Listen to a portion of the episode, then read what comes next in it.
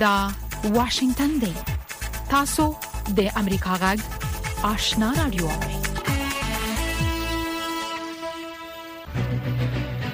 قدرمن اوریدونکو السلام علیکم زه شافیا سردار یم دا د امریکا غږ آشنا رادیو خبرونه پېښه لومړی به خبرونه واوري السلام علیکم زه نذرانه یوسف سیم قدرمنو اوریدونکو تاسو د دې وخت خبرونه اورئ د افغانستان بچارو کې د امریکا د متحده ایالاتونو ځانګړي استازي ټام ویسټ په افغانستان کې د بشري حقوقو خزو او جنو لپاره د امریکا د بهرنیو چارو وزارت ځانګړي استازي رینا میرا پروانه اونۍ کې د قطر په پلازمینه دوه کې د طالبانو د استازو او د افغانستان د مهمو وزارتونو د مسلکي ټکنالوژانو سره لیدنه کاتنه کوي د امریکا د بهرنیو چارو وزارت د وی خبرپاڼې په خبرولو سره ویلي چې دغه دوه امریکایي چارواکي به د جولای د 13مې تر 11مې پورې قطر او قزاقستان ته سفر وکړي او هلته په افغانستان کې د امنیت د نشي مواد سره د مبارزې او د خزو په حقوقو خبري وکړي په خبرپاڼې کې راغلي دوی په دوه کې د طالبانو د استازو د افغانستان د مهمو وزارتونو د مسلکي ټکنوکراتانو یو پلاوی سره وګوري چې د افغانستان اړوند اساسي مسایلو باندې خبري وکړي د بحث په اصلي موضوعات کې به د افغانانو لپاره بشري ملاتړ اقتصادي ثبات د خزو او جنو په ګډون له ټول افغانانو سره عادلانه او باعزت چلند امنیتي مسایل او د نشي توکو د تولید او قاچاق سره د مبارزې هڅې شامل وي د ملګرو ملتونو د کډوالو عالي کمشنرۍ وایي چې د روان 2023م کال د پیل نه د جون د تیر میاشتې تر پای پورې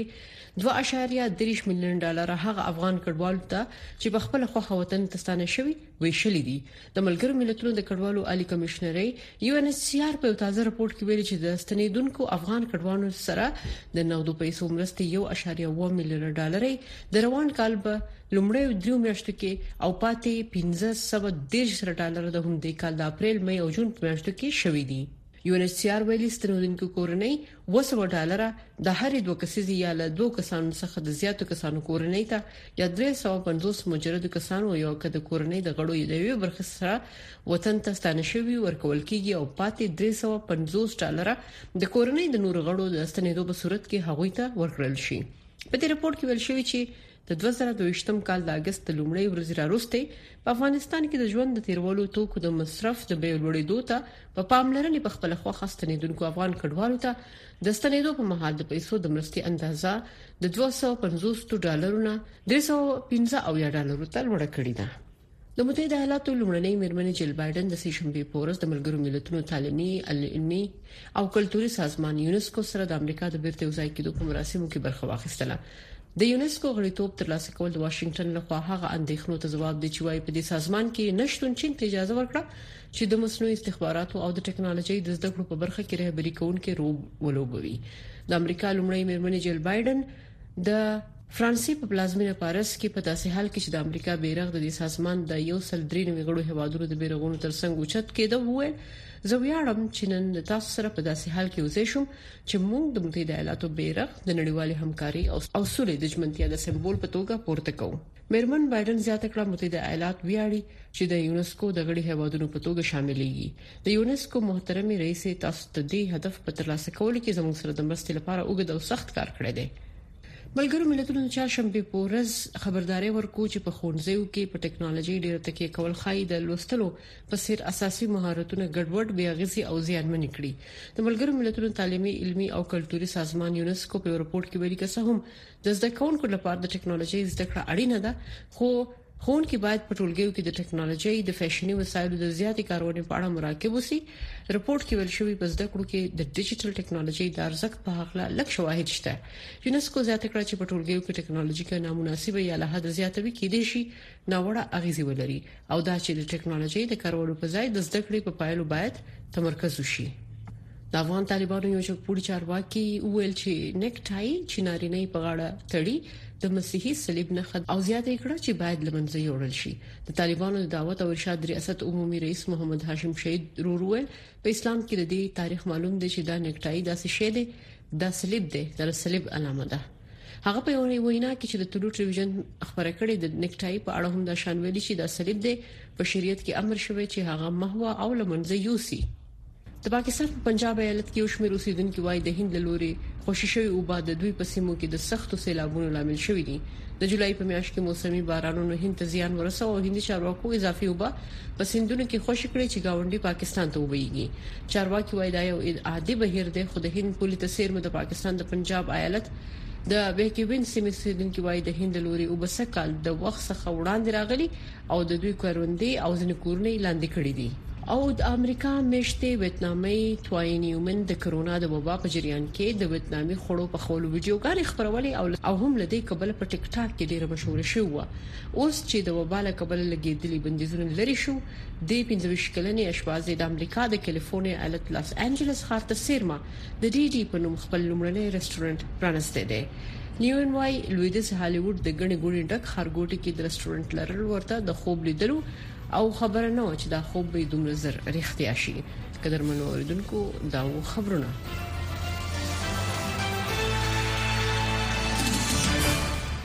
خبرونه مو د امریکا جغ آشنا رادیو څخه واوریدل درنو اوریدونکو زموږ په سهارنۍ خبرونه کې د افغانستان سیمه او نړۍ د اوسنوي حالات په اړه کې مهم مطالب لرو هله د خبرونه تر پای واوري لومړی به دا راپورټ واوري چې د طالبانو د حکومت د صنعت او سوداګرۍ وزارت سرپرست نور الدین عزیزی وایي چې د بهرنۍ او کورنۍ پنګونې د جلبولو لپاره یې هڅې ګړندې کړې دي چې په ترڅ کې پنګوال ورسره تر 2 میلیارډ ډالر پورې د پنګونې ژمنې کړې دي د اقتصادي چارو کارپوهان وایي چې د افغانستان روان وضعیت په کتنې په دغه هیواد کې ژر د لویو پانګونو تمه نس کېدلی نور تفصيل زموږ د خبريال اکرام شینواری پر راپور کې ووري د طالبانو د حکومت د صنعت او سوداګرۍ وزارت سرپرست نورالدین عزیزي د چهارشنبه په ورځ ملت ته د دولت د حساب ورکولو پروګرام په ترڅ کې خبریالان ته ویل چې سلګونو بهرنیو پانګوالو ورسره په افغانستان کې د پانګونې په اړه خبرې کړي او په مختلفو برخو کې پانګونې ته لیوالتیا خوځلې ده نوریدین عزیزي ویل دغه پانګوالو تر 2 میلیارډ ډالر پورې د پانګونې ژمنه کړې هغه ویل چې کورنۍ پانګوالو هم تر اوسه تر 150 میلیون ډالر په شاوخوا کې پانګه اچولې ده سرمایه‌گذاری انجام شده شرکت‌های داخلی در سکتورهای مختلف به بیشتر از 150 میلیون دالر امریکایی می خواهند در افغانستان در بخش های مختلف در بخش صنعت سرمایه گذاری بکنند. همداشان د صنعت او سوداګرۍ وزارت سرپرست وویل چې په تیر یو کال کې پنځوس نوي فابریکې تاسیس شوي او اتیا فیصده پخوانۍ فابریکې چې د مختلفو عواملو له کبله تړل شوي بیرته فعالې شوي دي هغه وویل چې اوس مهال په اقتصادي زونونو باندې د ځینو سترو پوځي اډو او مرکزونو د بدلون په هدف هڅې روانې دي. د صنعت او سوداګرۍ وزارت سرپرست ویل چې د دغو زونونو د جوړېدو وروسته به سوداګري توکي د همدغو زونونو له لارې بهر ته صادر شي نورالدین عزیزي ویل چې تېر کال افغانستان بهرنیو هیوادو ته تر دوه میلیارډو ډالرو پورې توکي صادر کړي وو و دستاورد بزرگی که امسال ایم امسال البته دوست داشتیم الحمدلله اموال صادراتی افغانستان د کانتینرهای یخچالی پر شد از افغانستان و به گرین چینل کشور هندوستان رسید. و در راه چک نشد و در راه پایان نشد و هیچ مشکلاتی هم الحمدالله روبرو نشد و ایره یکی از دستاوردهای بسیار خوب تجارای ما بودند. د صنعت او سوداګرۍ وزارت سرپرست وویل چې تېر یو کال کې افغانستان ته له اووه نوي هېوادو څخه د شپږ میلیاردو او څه باندې اووه سوه میلیونو ډالرو په ارزښت توکي وارد شوي دي. د صنعت او سوداګرۍ وزارت سرپرست وویل چې د قاچاق او په ځانګړي ډول له افغانستان څخه د ډالرو د وتلو د مخنیوي لپاره یې په ټولو سرحدي زونونو کې کمېټې جوړې کړي کړي د صنعت او د سوداګرۍ وزارت سرپرست نورالدین عزیزي ویل چې په تیر یو کال کې وزره 223 پیته د پالیت نوي جوازونه ویشلي چې د دې جملې څخه زر جوازونه افغان میرمنو اخیستي دي د اقتصادي چارو کارپوهان د افغانستان روان وضعیت ته په کتنې په دغه هیواد کې په چټک ډول د لوی پانګونو احتمالات نه ویني او فکر کوي چې اکثره افغان او بهرني پانګوال هڅه کوي چې د لنډمهالې مودې په پروژو کې چې ژر ګټه ترې ترلاسه کېدای شي پانګونه وکړي د اقتصادي چارو کارپوهان فکر کوي چې ځینې شرکتونه په افغانستان کې په ځانګړي ډول د کانونو په سکتور کې پانګونې ته لیوالتیا لري خو د طالبانو د حکومت د رسمیت پیژندو مسلې یې د پانګونې مخه نیولې ده د اقتصاد یو استاد عیسی رضی امریکا غږ ته ویل چې په افغانستان کې د لوی پروژو تمویل دغه هیوادو د ملاتړ پورې اړه لري چې د طالبانو پر حکومت باندې اغیز لري خغل رضی وایي چې چې د نه پنګون سره موافق نه وسی نشي تر سره حالا ببینیم که آیا نگاه ها مثبت هست یا منفی اگر نگاه ها مثبت باشه قطعا نگاه نهادهای بین‌المللی هم بیشتر به اونا هست به او کشورهای زینفوز است و قطعا تمویل مالی خواهند کرد په دوه زره یوویشت میلادي کال کې په افغانستان کې واک ته د طالبانو د رسېدو راوروسته په تیرو نږدې دوه کلونو کې تر اوسه یوازې یو چینایي او افغان ګډ شرکت د افغانستان په شمال کې د امو د سیندیزې حوزې د نفتو د حصو په پروژه کې د پنځه سوه او څلوېښت میلیون ډالرو پانګونه کړې د دې بهرنۍ پانګونې پرته بل هیڅ بهرني شرکت په دغه هیواد کې تر اوسه پانګونه نه ده کړې انتظار پای ته ورسید ترنو لیدونکو او اوریدونکو تاسو کولی شئ د امریکا غا ټلویزیونی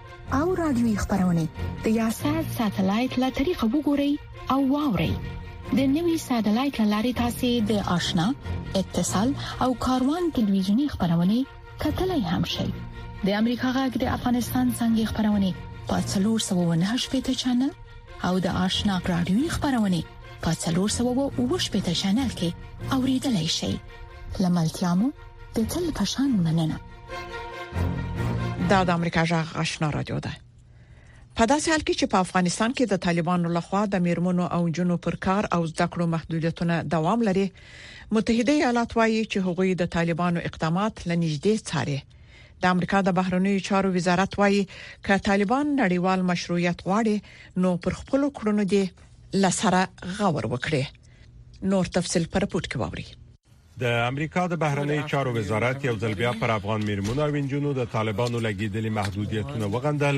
او څرګنده کړه چې طالبان د نړیوالو لخوا د رسمیت پیژندنې غوښتنه لري نو له خپل پالیسي دی پیل کړی As it relates to uh, the United States and the Taliban لکومه ځای چې دا د متحده ایالاتونو او طالبان اړوند کیږي زموږ دریځ ډیر روښانه دی په څرګند ډول مو د افغانستان شاتستنول چې اوس وینو د بشري حقوقو پراخه سرغړونې او د مېرمنو او نجونو څنډې ته کول غندلې دي دا به هم دا شان زموږ دریځ وي غواړم د دوه ټکو یادونه وکړم لومړی ک طالبان نړیوال رسمیت پیژندنه غواړي دوی اړ دي چې په مستقیم ډول یې په افغانستان کې د خپل کړنو او پالیسیو څخه پیل کړي دویم متحده ایالات به لډیر نږدې څاري او د اړتیا پر وخت به مناسب اقدام کوي د غرب په خاص ډول د متحده ایالاتونو او طالبانو ترمن ظاهرا د اختلاف مهم موارد د ښځو د کار او د انجونو د تعلیم په شان مسایل دي خو د چارو شنونکي په دې باور دي چې امریکا او طالبان یو بل ته اړتیا لري او د دواړو طرفونو ترمنځ تعامل موجود دی امریکا شل کاله په افغانستان کې و اوس هم امریکا علاقمندي د افغانستان دغه سیمه ته لري دا څه خپل ګټې دي او څه پروګرام لري دا د دوی کار ده اما طالبان هم تعامل غواړي له نړۍ سره خصوصا له امریکا سره او که امریکا سره تعامل وکړي امریکا یې پرسنت وپېژني خامخا نور نړۍ هم تشویقېږي علاقمندې کېږي د طالبانو او د امریکایانو ترمنځ اړیکې د پخوا نه هم ټینګې وي او په دې دوه کالو کې دا اړیکې لا پیاوړې شوې دي او امریکایي چارواکو د طالبانو د مشرانو سره هم دننه په افغانستان کې هم بهر د افغانستان ځینې لیدل کاته کوي بلخو د طالبانو د کورنۍ چارو سرپرست وزیر سراج الدین حقانی په هرات ولایت کې یوې غونډې ته ویلي چې د انجونو د زده کړو په مسله کې د طالبانو ترمنځ اختلاف شته خو په وینا پر معقول حل کار روان دی دي موضوعاتو لپاره په یو معقول حل باندې کار روان دی ان شاء الله په دې کې هغه ستونزې چې موږ ویني دلته ډېر دې غټه ستونزه دا ده چې موږ دې نه ویلي چې یوه مسله اختلافي وګرځي اختلافي بیا او د دې په خاطر چې دا اختلاف لوی نه شي، پراخ نه شي، هغه ته یو څه انتظار په کار دی. سراج الدین حقاني د نجونو د تعلیم په اړه دا څرګندونې په داسې حال کې کوي چې طالبانو په نږدې دوو کلونو کې په نجونو او ښځو د تعلیم او کار او د ژوند په نورو برخو کې په پرله پسې ډول محدودیتونه لګولي چې وروستی مورد یې د ښځو د سینګارتونونو تړل دي. د بشري حقونو د سازمان د ښځو د څنګه مشري میرمن هدر بار د طالبانو د حکومت د اقدام په اړه د خپل ټوئیټر پر پاڼه لیکلي چې د یوازې د وریښتانو د اصلاح کولو او د نوکانو د رنګولو مسله نه ده د شپېتو زرو خزو د کار د لاس څخه تللو مسله ده سمي الله جلالزای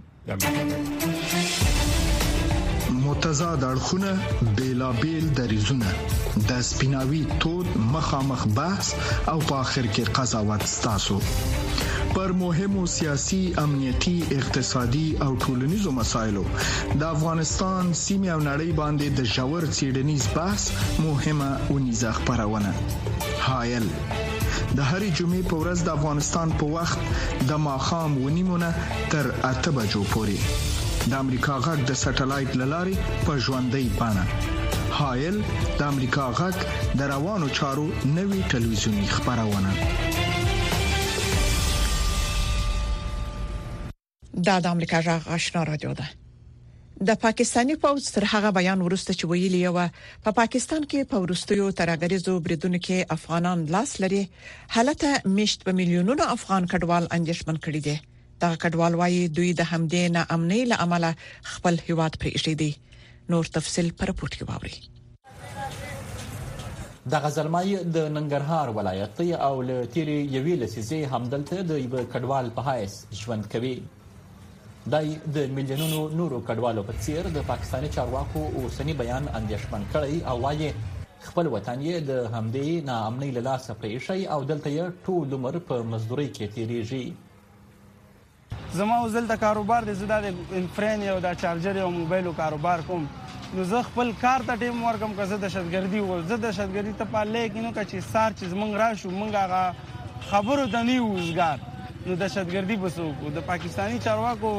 هم معلومات شته چې افغانان دلته څه کار روزګار ته راځي څه کاروبار کوي نو زما په خپل نظر چې دا خبره چې پاکستاني چارواکو کړې نو زه دا په کلکه ردوم او دا کار د افغانان نه کوي او پاکستانیان نو موږ ډیر خوشاله یو موږ ته ډیر ښه نظر کې لکه د خپل ورونو پرون سپینې ماړۍ هم د پاکستاني چارواکو د همدې بیان په خبرګون کې ویلي و داسې هیڅ نخشې نشانې نشته چې افغان کډوال دې په پاکستان کې د ترهګرۍ بریدونو کې لاس ولري د چارو ځینې کارپوهان هم دغه بیان ناسم یادوي او زیاتوي، تر اوسه هیڅ چا او هیڅ نړیوالې ادارې دغه ډول بیان نه دی ورکړی. په خپله باندې د پاکستان ځینې وزیرانو پخوا چې کوم د سفران وزارت دی د هغې عبدالقادر بلوچ ماته یادیږي د هغه نه مې خپله دا پوښتنه کړې وه هغه هم چې داسې شواهد نشته چې افغان کډوال دې په یو په منظمه جرایمو کې یا نورو نورو جرمونو کې یا ترهګرۍ کې ملوث وي یو ویني سیار د افغان کډوالو ادارم کله مغیدا تایید کړی نه داسې خبري راپورټونه کړ دینه مخکې بشوي دي نو لکه عمومي په بیان کې کوم ذکر شوی دی البته که د مشخص یاد شوی وي چې دا کس دا کس دا کس دا ډله نو بیا خو به خلکو وسره اتفاق کړي وي خو ګمان نه کوم او داسې بیان او د خو فطري خبره ده چې داسې بیان راځي د فوج د مشر لخوا او په پاکستان کې په ملیونونو افغان اوسم ژوند کوي نو پاګی باندې ضرور دا منفي اثر کوي او بل دا چې کوم دلته بیا ادارې دي پاکستاني هغه ته یو میسج زی چې د فوج د مشر سوچ څه دی یا د فوج سوچ څه دی نو دا د خالص سم بیان نو په میلیونونو افغان کډوال د پاکستان په یو شمېر سیمو کې له تیرو درو یا څلورو لسیزو راهیسې ژوند کوي په تیر کې د دې کډوالو پر ضد وخت نا وخت د پولیسو او امنیتي ارګانونو له لوري عملیات هم شوي د بشري حقوقو فعالان تر دې بیان وروسته بیا هم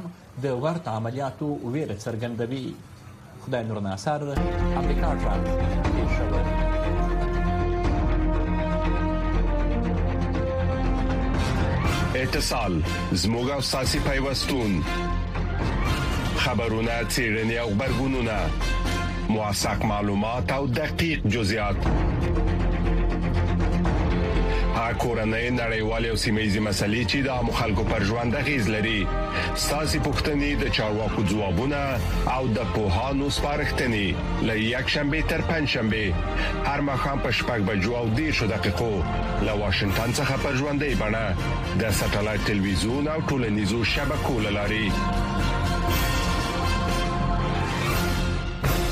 د امریکا جغ آشنا رادیو څخه رپورټونو ته دوام ورکوي په داسې حال کې چې د جولای په میاشت کې موسمي بارانونو هند ته زیان ورساوه هندي چارواکو اضافي اوبه په سندونو کې خوشي کړي چې گاونډي پاکستان ته وغوهیږي دا یو عادي پروسه ده خو په پا پاکستان کې ل مخکې سخت بارانونه سوي دي او د هند دغه کار خلک حیران کړي دي ځکه اوبه د دوی د توقع څخه مخکې راغلي نور تفصيل په دې رپورت کې پنجاب ایالت کې د هند او پاکستان پولې د سیرما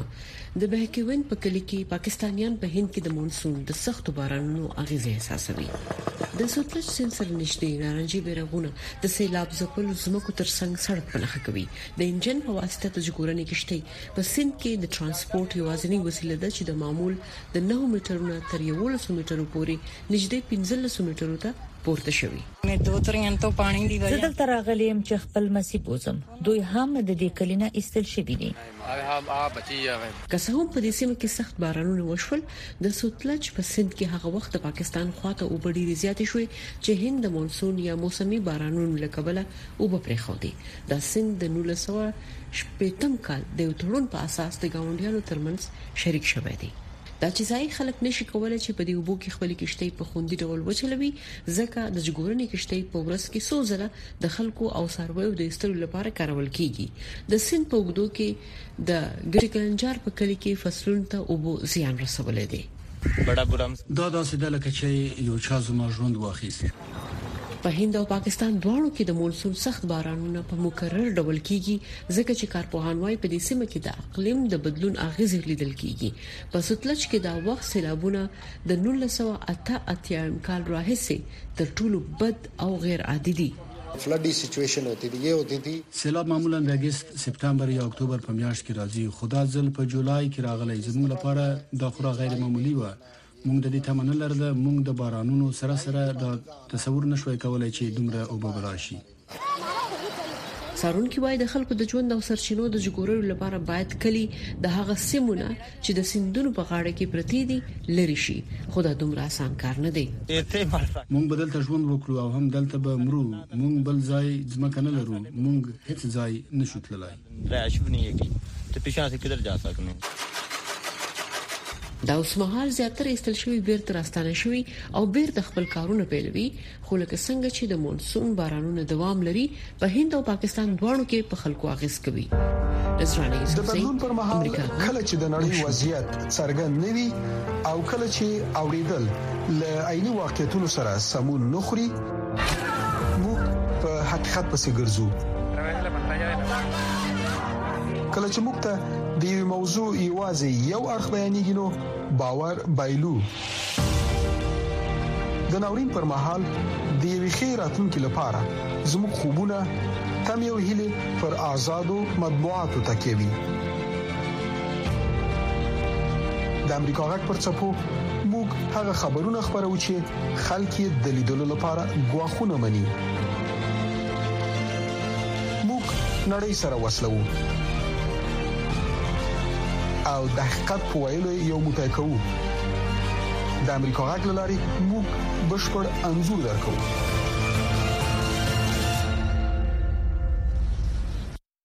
د امریکا جغ آشنا رادیو څخه تاسو زموږ سهارنۍ پښتو خبرونه اورئ د استرالیا صدر اعظم انټونی البانیز د چهارشنبه په ورځ نیوزیلند ته خپل لومړی سفر وکړ تمه ده چې سوداګري امنیت او همدارس د پاسفیک په سیمه کې د چین مرامونه به د نیوزیلند له صدر اعظم سره د مذاکراتو د اجنډا په سر کې واقع وي دواړه هیوادونه سږ کال د خپل ډیپلوماټیکي اړیکو د ټینګولو اتیاومه کلیزه لمانځي. د سیدنی څخه به د خبريال فرمر سر د رالیږلي رپورت خلاصه زموږ همکار سید سلیمان شاه تاسو ته وایي. که څه هم چې د تسمن سمندرګي استرالیا او نوی زیلاند یو له بله جلا کړي دي، دواړه هېوادونه نږدې دوستي او ژورې کلتوري، ټولنیزې او اقتصادي اړیکې لري. د اسټرالیا صدراعظم انټوني البانیز وايي، غواړي چې له نوي زیلاند سره د خپل هېواد د نوموړي په وینا ځانګړې اړیکې لا غښتلې کړي. د هغه نوي زیلاند همسیال کریس هیپکنز هم باور لري چې په وینا یې له تېرو لسیزو راهیسې له اسټرالیا سره د هېواد دوه اړخیزې اړیکې د بل هر وخت په پرتله تر ټولو زیاتې پیاوړې دي. خو د اسټرلیایي چارواکو له خوا د نوي زیلاند د یو شمېر اتباعو د شړلو په وجه چې د سختو جرمونو په سرته رسولو تورن شوي وو، دواړو هېوادونو تر منځ خپګان پیدا شو. اسټرلیا لګیا ده په دې اړه خپله پالیسي نرموي او د نوي زیلاند اتباع په اسټرلیا کې اوس کولی شي چې په اسانۍ د هغه هېواد تابعیت واخلي. د اسټرالیا او نوي زیلاند ترمنځ د نږدې اقتصادي اړیکو او ازادې سوداګرۍ د تړون د لاسلیک کېدو د څلوېښتمې کلیزې په مناسبت نوي زیلاند ته د البانیز د دې سفر په مهال به سوداګري د مذاکراتو د اجنډا په سر کې واقع دواړو هېوادونو په دوه زره نهه میسوي کال کې د جنوبي ختیځې اسیا د همکارۍ له سازمان یې آسیان سره د ازادې سوداګرۍ تړون لاسلیک کړ. د البانیز د دې دوه ورځني سفر په دوران کې به د پاسفیک په سیمه کې د چین د ډیپلوماتیکي، سوداګریزو او نظامي هوسونو په اړه مذاکرات هم وشي. چین تېر کال د سلیمان له ټاپوګانو سره چې د اسټرالیا په شمال ختیځ کې موقعیت لري، امنیتي توافقنامه لاسلیک کړه، خو بیجینګ ونه شو کولای چې د همدغه شان توافقنامو د لاسلیکولو لپاره د پاسفیک د غاړې نور ټاپونما کوچني هېوادونه هم اړ باسي. د اسټرالیا د ملي پوهنتون استاد پروفیسور بلاکسلند له امریکا غږ سره په مرکه کې ویل چې چین به هرومرو خپلو هڅو ته دوام ورکړي.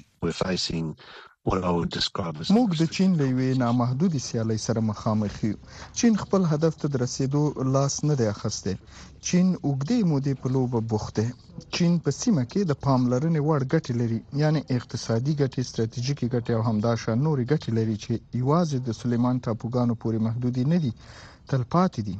او داسې پېښېږي چې ګټې يې د استراليا او نوي زيلان او د متحده ايالاتو په شان د هغوی د نورو انډيوالانو يا متحدينو له ګټو سره په ټکر کې واقع کېږي. د اسټرالیا اوسنی حکومت چې په چپ لورې تمایل لري او د دوه زره دوه ویشت میلادي کال په اګست کې وټاکل شو، له چین سره د روانو کړکیچونو د کمولو په خاطر متواترې هلې ځلې کړې دي، خو په دې وروستیو وختونو کې د دواړو ملکونو ترمنځ په هانګ کانګ کې د دیموکراسۍ، د جنوبي چین په سمندرګي کې په ازاده توګه د کښتیو د تګ راتګ او تایوان ته د بیجینګ د ګواښونو په وجه ترمنځ بیا شخړې راپورته شوې دي. همداراز د سوداګرۍ په برخه کې د چین له خوا پر اسټرالیایي صادراتو د یو لړ بندیزونو د لګولو له امله هم له بیجینګ سره د کانبیرا اړیکې ټکنۍ شوي،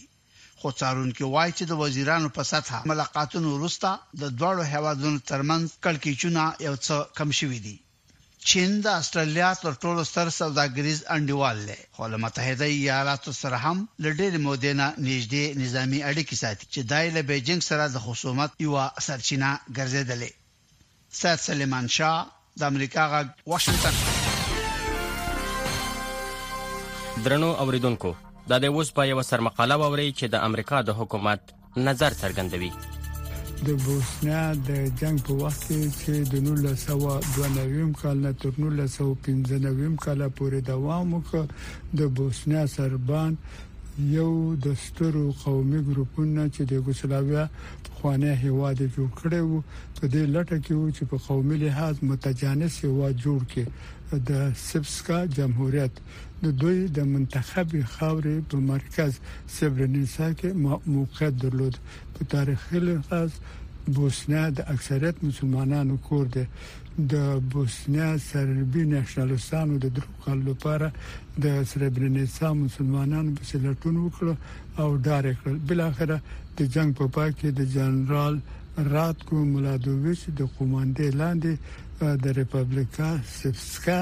د بوسنیا سر پوزي قطعات په زور سره سربرنیسا محاصره شوی سیمه ته ننوتل دا د ملګرو ملتونو د ژغورنې لاندې یو محفوظه سیمه و د سربیا عسکرو د شاوخوا کلو د سلګونو مهاجرو په شمول خلک محاصره کړل دوی ښځې او ماشومان جدا کړل او بیا په سیستماتیکه توګه د پنځلس کال نه د عمر پورته ټول نارینه ووژل. دوی د نولس سوه او پنځه نوي کال د جولای د میاشتې د یوولسمې او یو دېرشمې نېټې ترمنځ د اوو نه تر اتو زرو پورې بې وسلې نارینه او هلکان عام قتل کړل. د ملګرو ملتونو د اته څلوېښتم کال د عام قتل کانوینسیون عام قتل تعریفوي. په داسې حال کې په دې مقصد سره بشپړ یا یوه برخه یو ملي، قومي، نژادي یا مذهبي ګروپ تبع کوي او د هغه رپوټ په قول چې په سربرینیڅا او شاوخوا کې د پېښو لپاره د تحقیقاتو د کمیسیون لخوا په دوه زره څلورم کال کې خپور شوی دی دا هغه څه دي چې په سربرینیڅا کې واقع شوي وو. د ریپبلیکا سیپسکا د هغه وخت حکومت اوس بوسنیا هرڅګوینا یو خودمختاره سیمه ده یو رسمي بخنه غوښتي و مګر څو د سکاله وروسته ریپبلیکا سیپسکا دغه راپورټ رد کړ ادعا کوي چې د هغو قربانیانو ډیر لا تر اوسه ژوند دي د دې ورځې پورې د سبرینیسا د عام قتل او د هغه چا سرلوړي چې د دغو اقداماتو مرتکب شوي په دغه سیمه کې یو عام خبر درنو ردوونکو زموږ د خبرونه په همدې ځای پای ته ورسیده د امریکا جغ آشنا را دوه خبرونه دوام لري ستاسو ټول څه مننه چې زموږ خبرونه اوري